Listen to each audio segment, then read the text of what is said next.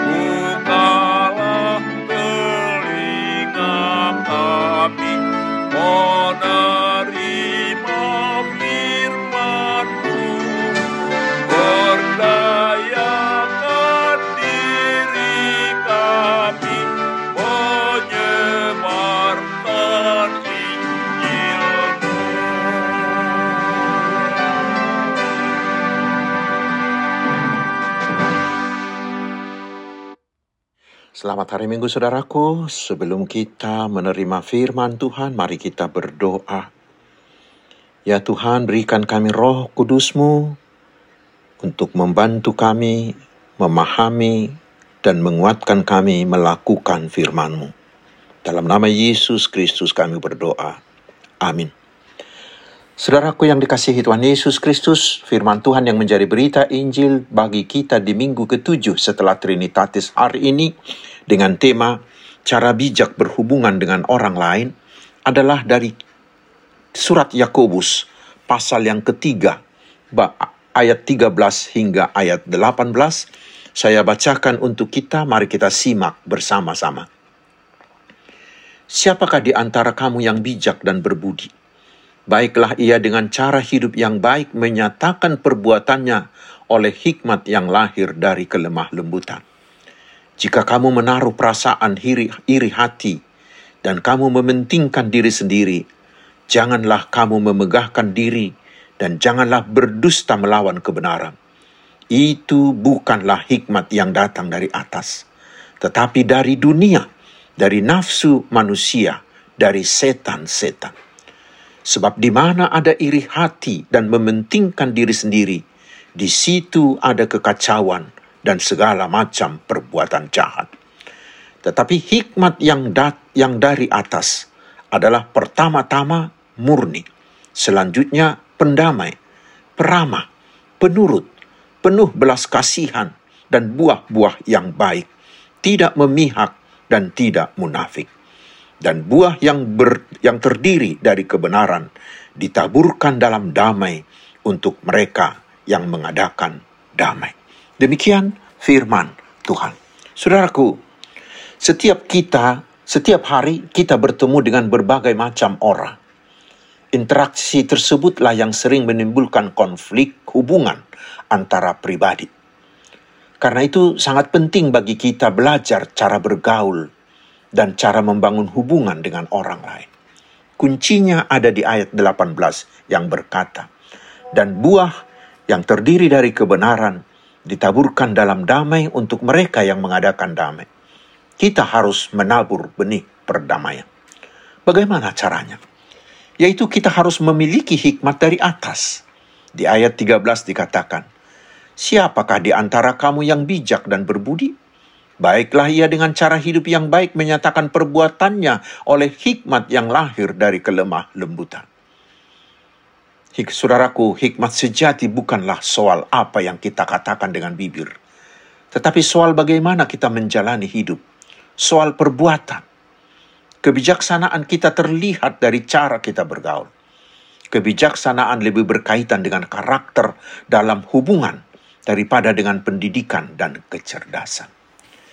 Di ayat 14 hingga 16 dikatakan bahwa kurangnya hikmat menyebabkan segala macam masalah dalam hidup. Jika kamu menaruh perasaan iri hati dan kamu mementingkan diri sendiri, Janganlah kamu memegahkan diri dan janganlah berdusta melawan kebenaran. Itu bukanlah hikmat yang datang dari atas, tetapi dari dunia. Sebab di mana ada iri hati dan mementingkan diri sendiri, di situ ada kekacauan dan segala macam perbuatan jahat. Hikmat dunia hanya menyebabkan segala macam kekacauan, menyebabkan masalah dan kebingungan. Bila saudara bingung di rumah, atau kacau di tempat kerja, atau merasa hidupmu berantakan, itu karena saudara tidak menjalani hidup dan membangun hubungan dengan hikmat yang dari atas. Di ayat 17 didaftarkan ciri-ciri orang bijak, yaitu tetapi hikmat yang dari atas adalah pertama-tama murni, selanjutnya pendamai, peramah, penurut, penuh belas kasihan, dan buah-buah yang baik, tidak memihak, dan tidak munafik.